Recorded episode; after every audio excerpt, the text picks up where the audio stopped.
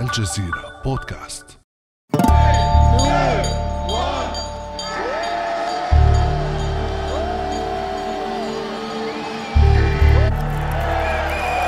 COVID-19 can be characterized as a pandemic.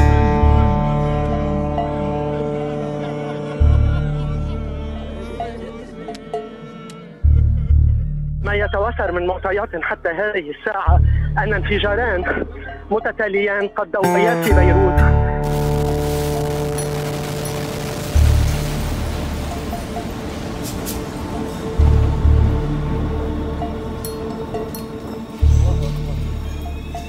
آه، المحتجون أضرموا النيران آه، مجددا بل هنا في المنطقة الخضراء.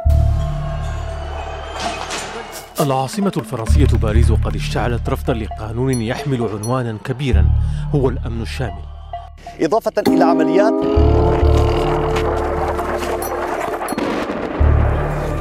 طبعا إضافة إلى عمليات القصف المدفعي. الآن غارة جوية على مدينة سراقب إنزال جثمان الفقيد الراحل أمير الكويت الشيخ صباح الأحمد الجابر الصباح حيث سيدفن في مقبرة الصليبخات أبو ظبي والمنامة تطبعان رسميا علاقاتهما مع إسرائيل. الحدث الذي وصفه الرئيس الأمريكي بالتاريخي. الرئيس المنتخب جوزيف بايدن الآن يتلقى اللقاح الخاص بفيروس كورونا.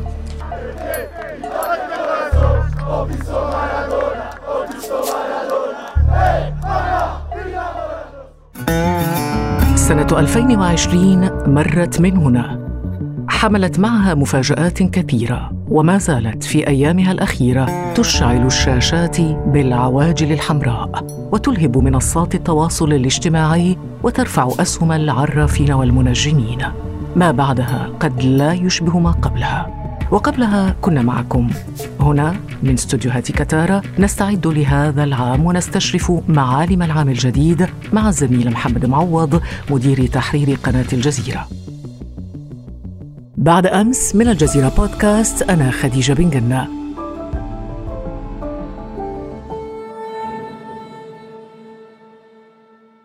يعود إلينا الأستاذ محمد في الحصاد السنوي لأبرز أحداث عام 2020 صباح الخير أستاذ محمد. صباح النور خديجة. سعيد أن أكون معك بعد هذه السنة المضنية. مضنية فعلا وإحنا سعداء أيضا بك محمد لأنه أنت تدشن معنا اليوم في هذه الحلقة الأستوديو الجديد أستوديو بودكاست الجزيرة من كتارا. نرحب بك ونقول الحمد لله على السلامة بعد التغطية الجميلة والرائعة للانتخابات الأمريكية. الله يسلمك شكرا جزيلا. مبروك على الأستوديو الجديد. أتمنى أن يكون بداية جديدة مليئة بالراحة والسعادة تختلف كثيرا عن العام الذي مر. إن شاء الله يا رب. سنحاول محمد أن نستذكر معا في هذه الحلقة أحداث السنة ونستشرف فيها أيضا ربما ملامح ومعالم العام المقبل. محمد لا يمكن أن نبدأ هذه الحلقة بشيء آخر غير كورونا. WHO has been assessing this outbreak منظمة الصحة العالمية كانت تقيم الوضع على مدار الساعة وتشعر بالقلق من مستوى انتشار وحدة الفيروس. ولذلك قدرنا بأن كوفيد-19 يمكن اعتباره وباء. استمعنا معا الآن إلى تصريح المدير العام لمنظمة الصحة العالمية تيدروس أدهانوم جبريسوس وهذا التصريح شكل نقطة تحول فارقة في حياة البشرية. ماذا علق في ذاكرتك محمد منذ تلك اللحظة منذ بداية كورونا؟ خديجة أنا أستمع إلى هذه الأصوات الطبيعية التي أذعتموها في بداية الحلقة وتمر على أحداث العام وأشعر أن ما يحدث لي هو نوع من أنواع فرك الذاكرة الموجع كمن يحاول أن يعيد نفسه إلى نقطة بداية مسير شاق بعد أن كاد يصل. في البداية لم يكن الأمر معهودا فيروس كورونا وبالتالي لم نتوقف عنده. لكن الأرقام التي كنا نريدها والصور المفزعة للمرضى على أجهزة التنفس الصناعي الحقيقة تبقى مجرد صور حتى نعايشها بفقد عزيز. سريعا تتحول كل هذه الأرقام وأعداد الإصابات وأعداد الموتى والضحايا لرقم واحد. هذا الفقيد الذي نفقده من مثل هذه الجوائح. لن يعلق في ذهني من كورونا ما لا أريد أن أتذكره من حقبتها التي لم تودعنا بعد لا كماماتها ولا القصص المؤلمة التي رويناها عبر الجزيرة ولا العواجل ولا الأخبار ولا الشوارع الفارغة إلا من أولئك الصحفيين الذين يحاولون أن ينقلون الأنباء فيذهبون إلى غرف الأخبار. لا شيء من هذا سيعلق في ذهني لأنني لا أريد أن أتذكره لأن هذه السنة كانت مؤلمة. ما سيعلق في ذهني منها مجبرا هو ما فقدناه في الجزيرة. زميلان عزيزان أحدهما رافقته في الميدان عمر خشرم مراسل الجزيرة في تركيا والآخر زاملته في غرفة الأخبار الصحفي عبد الله الطاهر. رحمة الله تتنزل عليهما. رحم الله عبد الله الطاهر وعمر خشرم ونتمنى إن شاء الله أن تتخلص البشرية في هذا العام الجديد من هذا الوباء. وبالفعل هذه الصور طبعا لا تمحى محمد من الذاكرة خصوصا إذا أضفنا إلى ذلك التضييقات والإجراءات التي تعرض لها الناس خلال هذا العام من إغلاق للحدود من منع للسفر والحجر المنزلي وأثر أيضا على الاقتصاد العالمي وأدى إلى تراجعات تاريخية كبيرة في أسعار النفط العالمية. إذا فقد هوت أسعار العقود الآجلة للخام الأمريكي إلى ناقص 37 دولارا للبرميل واضطر بائعو الخام الأمريكي أن يدفعوا للمشترين لأخذ عقود آجلة للنفط للمرة الأولى على الإطلاق.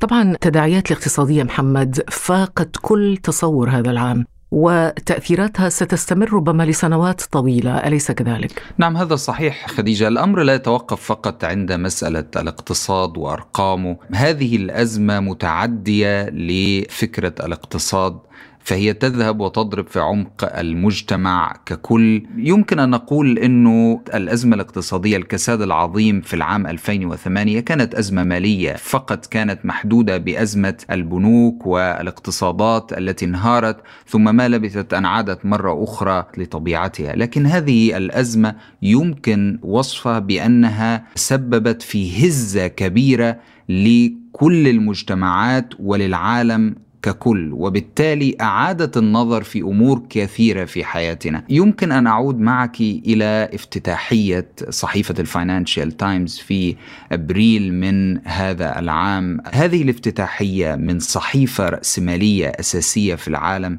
تتحدث عن صياغة جديدة لشكل العالم بعد فيروس كورونا. الصحيفة قالت أن البشرية لن تنجو إلا بشفاء كل أحد. وأن هذا الشفاء لن يشارك فيه دولة واحدة عظمى أو دولة فقيرة أو دولة غنية أو غيره سيشارك فيه الجميع.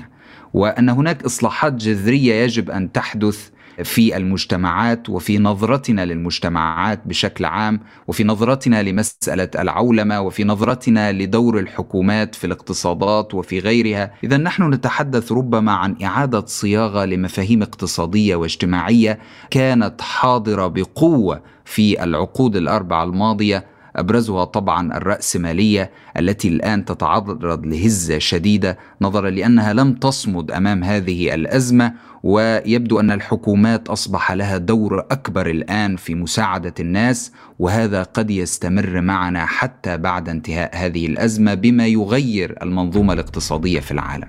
وربما ينتهي هذا العام محمد ببارقة أمل. الحدث الأبرز الآن هو إعلان لقاح فايزر بايونتيك الذي اعتبرته منظمة الصحة العالمية نهاية وشيكة لفيروس كوفيد 19 ضوء في نهاية النفق وبزوغ فجر جديد هذه التعبيرات التي استخدمها وزير الصحة البريطاني مات هانكوك وهو يزف هذا الخبر بعد أن صدقت الهيئة المستقلة البريطانية للأدوية والمنتجات الطبية على لقاح فايزر بايونتك لتصبح بريطانيا أول دولة في العالم تصدق على هذا اللقاح هل تتوقع عودة الحياة إلى طبيعتها نهاية السنة أو بداية السنة القادمة إن شاء الله؟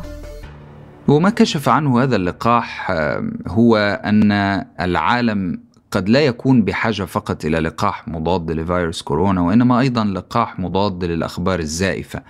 هناك سحابة ضخمة كثيفة فوق مسألة اللقاح، هناك الكثير من النظريات الزائفة التي تعج بها مواقع التواصل الاجتماعي. هناك تسييس لمسألة اللقاحات. هناك من يعتقد أنها من دول عظمى للسيطرة على دول فقيرة أو غيره. يبدو أننا بحاجة اولا لأن يكون هناك حملة توعية كبرى من أجل محاربة هذه الأخبار الزائفة.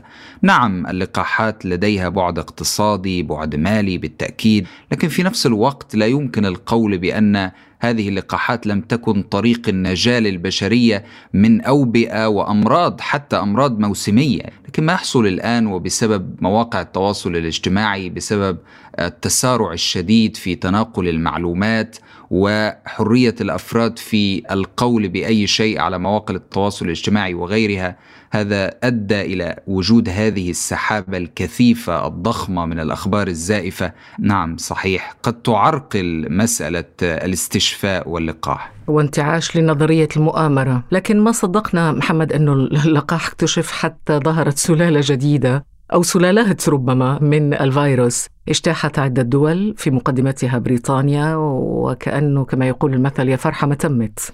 نعم هذا صحيح. والغريب خديجة أنه هناك تدافع شديد في مسألة إيقاف حركة الطيران بين الدول. هذه الفكرة في بداية أزمة فيروس كورونا إذا تذكرين لم تكن حاضرة بقوة ولم يكن أحد مقتنع بها بشدة.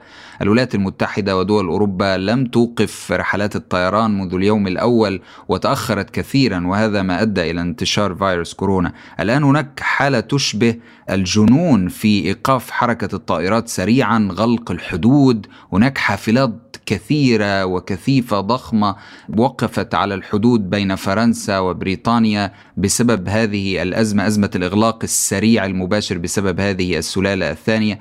كما قلت لك خديجة واضح أن العالم يتغير واضح أن نظرة الناس لمسألة الحدود تتغير وهذا يظهر في تعاطي الحكومات الآن مع تبعات هذه الأزمة. قطار الأحداث محمد لم يتوقف هذا العام عند كوفيد 19 وتداعياته. ركبت الإمارات البحرين السودان والمغرب قطار التطبيع وبات التطبيع بين السعودية وإسرائيل أمرا حتميا بين قوسين على حد قول مستشار الرئيس الأمريكي جاريد كوشنر. أعتقد أن الجمع بين السعودية وإسرائيل وأن التطبيع الكامل للعلاقات بينهما أمر حتمي وأعتقد أننا سنرى ذلك. ما رأيك محمد؟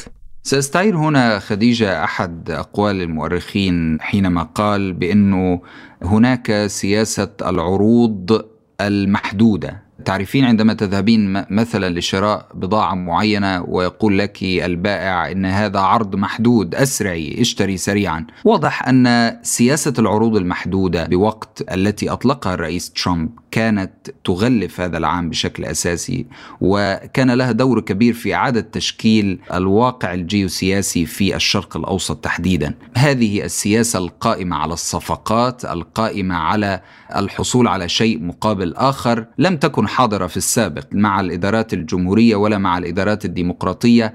عادة ما يغلف السياسة مسألة المصالح الكبرى المصالح الأوسع لكن هذه الصفقات الضيقة خذ وأعطي لم تكن موجودة وبالتالي هذا كان حدثا فارقا فعلا في هذا العام. محمد هناك أيضا ملف آخر هذا العام استحوذ على الكثير من الاهتمام. التصعيد بين إيران والولايات المتحدة.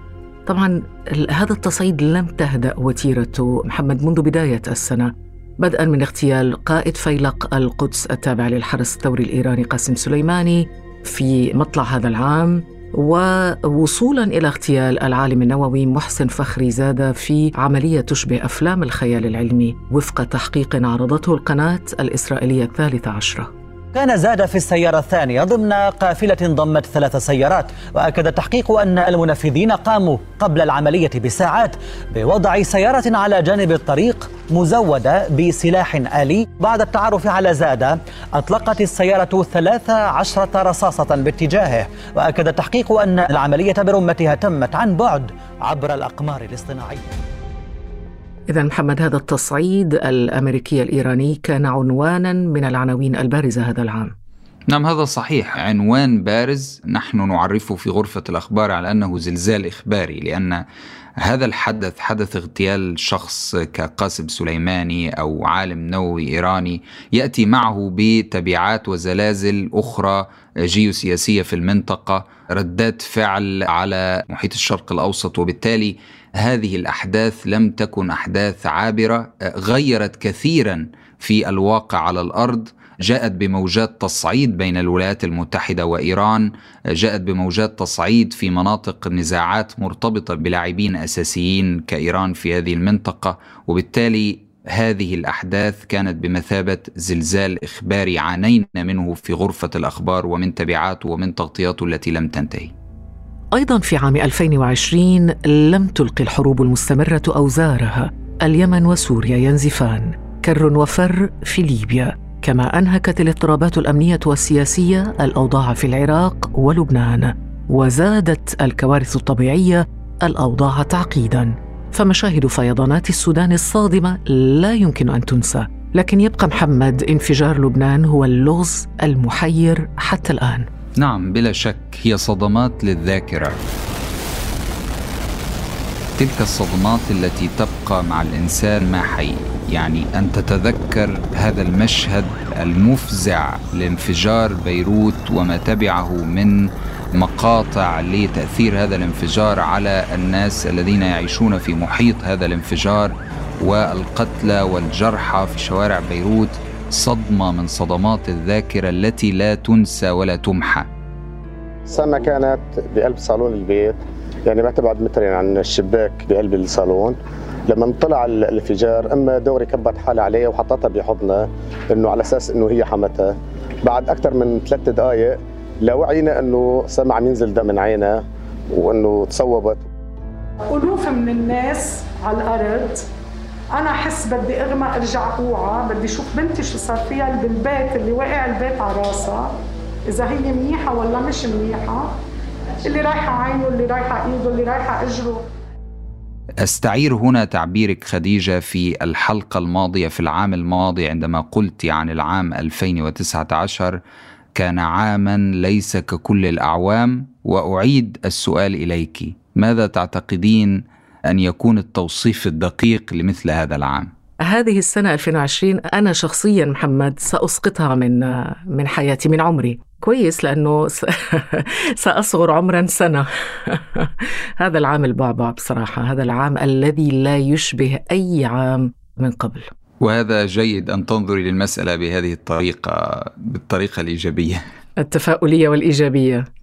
نعم صحيح. طيب كويس إنه نقصنا عام من أعمارنا.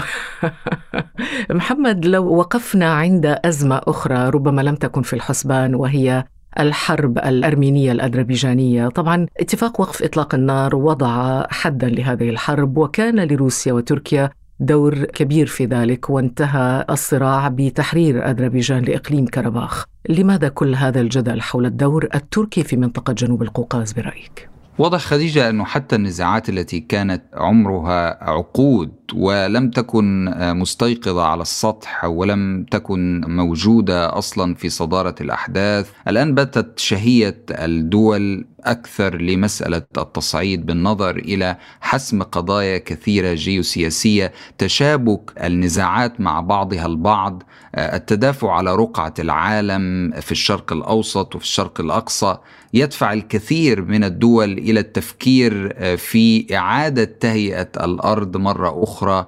أعتقد إنه الدور التركي الآن في منطقة جنوب القوقاز متصل أصلا بالدور التركي الأوسع في الشرق الأوسط وفي هذه المنطقة. والذي يظهر منه أن تركيا أصبحت لاعبا مهما الآن وهي تريد أن تكمل على هذا النسق. بالنظر إلى أن الولايات المتحدة لم تعد في حقبة الرئيس ترامب مهتمة كثيرا بأن يكون لها أنف في كل نزاع. وروسيا أيضا مثل تركيا هي تتبع نفس الاستراتيجية تملأ الفراغ الذي تركته الولايات المتحدة وتجد هناك فرصة سانحة لها لأن يكون لها دور فاعل في أي أزمة تنشأ في العالم. على ذكر روسيا محمد لا حديث في هذه الأيام الأخيرة من هذا العام إلا عن دور روسي محتمل هذا غير مؤكد فيما يعتقد أنه أكبر وأخطر هجوم إلكتروني وقرصنة إلكترونية في تاريخ الولايات المتحدة الأمريكية. ما رأيك محمد؟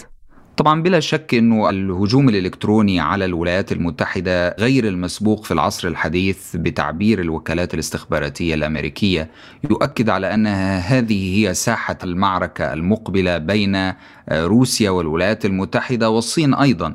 هذه الدول التي تتصارع الآن على مسرح العالم تريد أن تكون ساحة الهجوم الآن إلكترونية على اعتبار أنها أسلحة أكثر وصولا وأكثر ضررا على الآخر وبالتالي آه، تجد فيها فرصة من أجل الحصول على معلومات من أجل مهاجمة مصالح.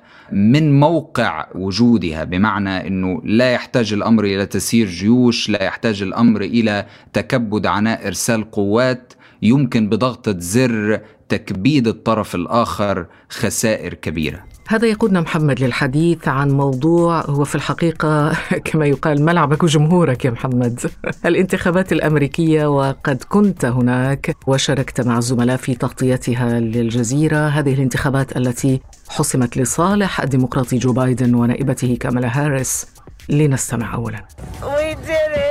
فعلناها. لقد فعلناها جو سوف تكون الرئيس التالي للولايات المتحدة الأمريكية.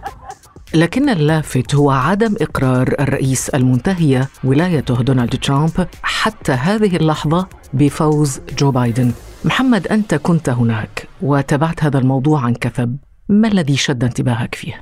كانت ملحمة خديجة. هذه الانتخابات غير مسبوقة. أكثر شيء لفتني في هذه الانتخابات أن تأثيرها يتعدى فكرة إدخال رئيس جديد إلى البيت الأبيض وخروج آخر. واضح أن المجتمع الأمريكي يمر بمخاض لا يعلم حتى الآن إلى أي شيء سيفضي. نحن نتحدث هنا عن ما يشبه الحرب الثقافية في المجتمع الأمريكي على فكرة ما هي أمريكا؟ كيف يمكن تعريف أمريكا؟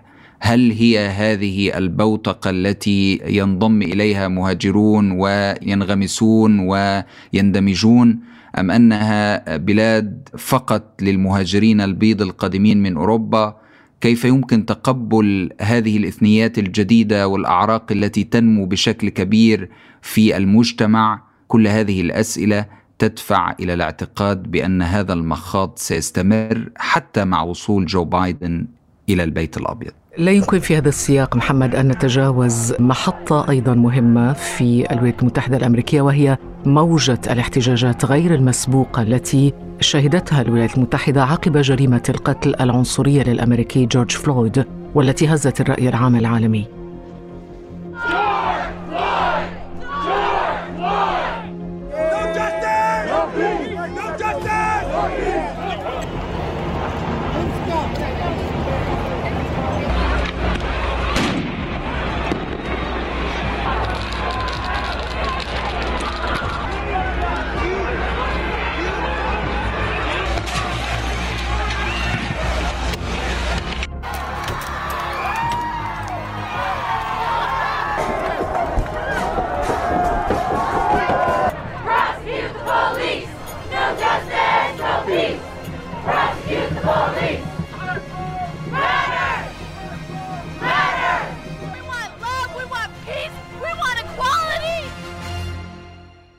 هذا الحدث واضح خديجة أنه مجتمع الأمريكيين الأفارقة في الولايات المتحدة انتقل من مرحلة المطالبة بالحقوق إلى أخذ الحقوق بمعنى أنه المسألة الآن باتت أكثر تصعيدا من السابق الضغط كبير على المجتمع من أجل الحصول على عدالة اجتماعية حقيقية يمكن أن تساوي بين مجتمعات الأمريكيين الأفارقة وغيرهم من البيض والإثنيات الأخرى بعد أن كانت مرحلة المطالبة بحق التصويت، المطالبة بالمساواة، الآن هناك مرحلة العدالة الاجتماعية، عدالة في الدخل وعدالة في أسس الحياة ومستواها. نمر إلى شق أكثر تفاؤلا. موضوع التسويات التي تمت هذا العام. فقد طوت تلك المصافحة التاريخية بين المبعوث الأمريكي لأفغانستان زلماي خليل زاد ورئيس المكتب السياسي لحركة طالبان الأفغانية الملا عبد الغني برادار في الدوحة في نهاية فبراير الماضي. عقدين من الحرب بين حركة طالبان والولايات المتحدة. اليوم يوم تاريخي للولايات المتحدة الأمريكية والشعب الأمريكي اليوم. اتخذنا خطوة حاسمة باتجاه السلام السلام الحقيقي في أفغانستان. كان هذا تصريح وزير الخارجية الأمريكي مايك بومبيو. فمحمد ما الذي يعيق إذا مسار مفاوضات الحوار الأفغاني الأفغاني حتى الآن؟ الحرب حين تبدأ تبدأ بسبب غير مقنع وغير منطقي فقط أن الأطراف المتصارعة فكرت في الحرب وصعدت المواقف لتبدأ الحرب. الآن ما يجري هو أن السلام بدا مقنعا للكثيرين. واضح أن مسار المفاوضات وصولا إلى وقف إطلاق النار نجح لكن تبقى المعضلة الأساسية في مسألة الحوكمة في أفغانستان. هل يمكن تأسيس حكم آه، واضح وأسس حكم قوية يمكن لحركة طالبان أن تندمج فيها بصورة أو بأخرى؟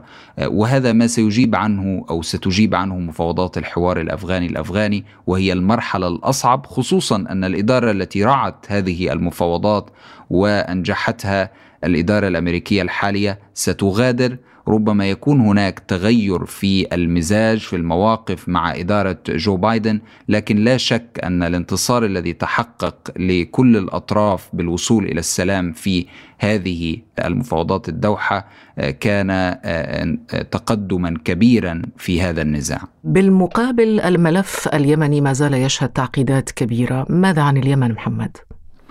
اليمن ما زال في مخاض العسير آه، والنزاع آه، مستمر آه، كل الجهود وكل الاتفاقات تعاد صياغاتها ويعاد تغيير الواقع على الأرض وكل فترة تشكل حكومة وكل فترة توضع بنود وتوضع اتفاقات وتكون هناك مصافحات وتكون هناك عدسات الكاميرات تصور لقاءات واتفاقات لكن واضح أن الأمر الأساسي غائب هنا وهو فكرة إنه آه، مسار الحل ما هو مسار الحل في اليمن بشكل أساسي وكيف يمكن أن يكون هناك دمج بين كل الأطراف في حكم اليمن وهذا هو السؤال الأكبر في العام المقبل. خلال هذه السنة أيضا محمد شهدنا رحيل العديد من الشخصيات سياسية ورياضية من الشخصيات السياسية السلطان قابوس بن سعيد الشيخ صباح الأحمد الجابر الصباح أمير الكويت الأمير خليفة بن سلمان الخليفة رئيس وزراء البحرين الرئيس المصري أيضا السابق حسني مبارك الدكتور صايب عرقات كبير المفوضين الفلسطينيين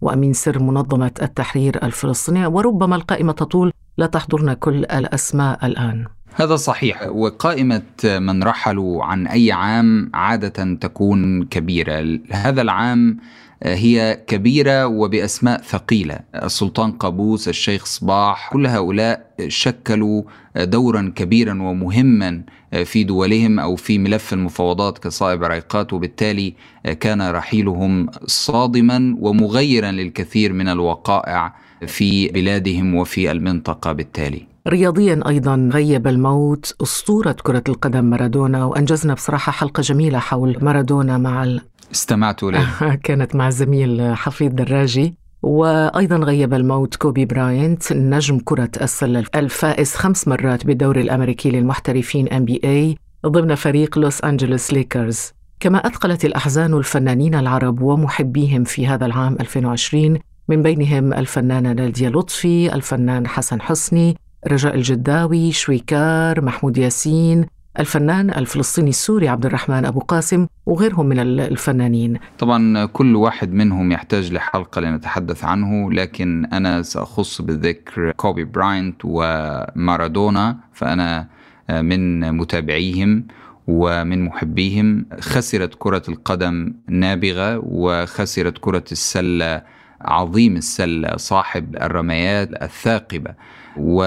وطبعا كل هؤلاء كان لهم دور كبير في الرياضة وهؤلاء كان لهم دور كبير في الفن ولا شك أن العالم خسره. نتذكر أيضا بهذه المناسبة محمد زميلينا وكنت قد أشرت إلى ذلك في بداية الحلقة فقدنا زميلين هما الزميل العزيز عمر خشرم مراسل الجزيرة في أنقرة في تركيا وأيضا زميلنا عبد الله طاهر رحمهم الله وصبر أهاليهم ونتذكر أيضا زميلنا محمود حسين المعتقل في السجون المصرية والذي أكمل عامه الرابع ونسأل الله أن يفك أسره قريبا ويعود إلينا وإلى جمهوره وأهله. رحم الله الزملاء ونتمنى أن يكون هذا العام هو عام خروج الزميل محمود حسين، آه، نتمنى من السلطات المصرية أن تفرج عن الزميل محمود حسين في أقرب وقت وأن يعود إلى بيته وأسرته آه، الصحفي الإنسان محمود حسين. محمد أنت سألتني قبل قليل ماذا يعني بالنسبة لي هذا العام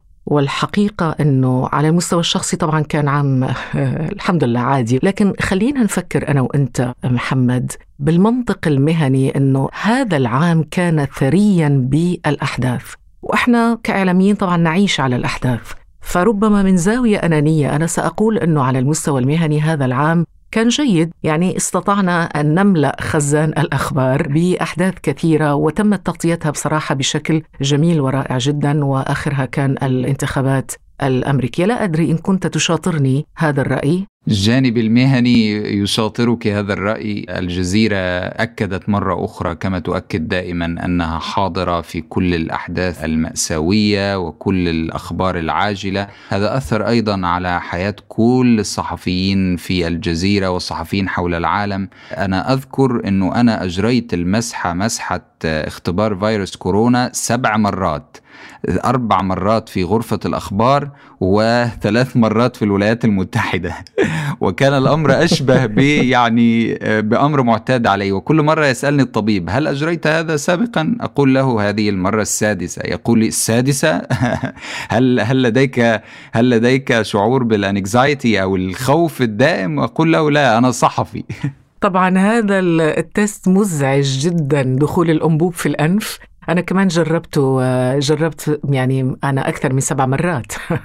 يمكن عملت ال test 12 مرة خلال هذه السنة. ظننت أنني أكثر واحد أجراه على الكرة الأرضية.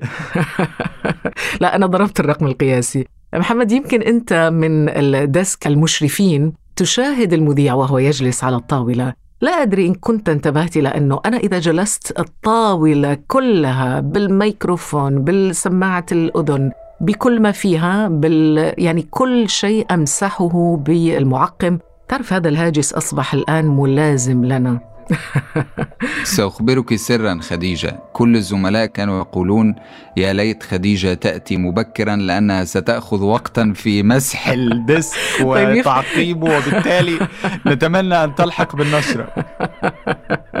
شكرا لك محمد. سعدت جدا بهذه الحلقة. سعد. مرة أخرى معك في نهاية هذه السنة. طبعا نسأل الله سبحانه وتعالى أن تكون السنة المقبلة أجمل وأحسن وأحلى من هذه السنة. آمين آمين. لك وللجميع وللأهل ولكل الناس في العالم. والسؤال أخير ومختصر جدا. محمد ستأخذ اللقاح أم لا؟ سأخذ اللقاح بكل تأكيد. وأنا أيضا. شكرا لك محمد معوض. مدير تحرير قناة الجزيرة. شكرا خديجة. كان هذا بعد أمس.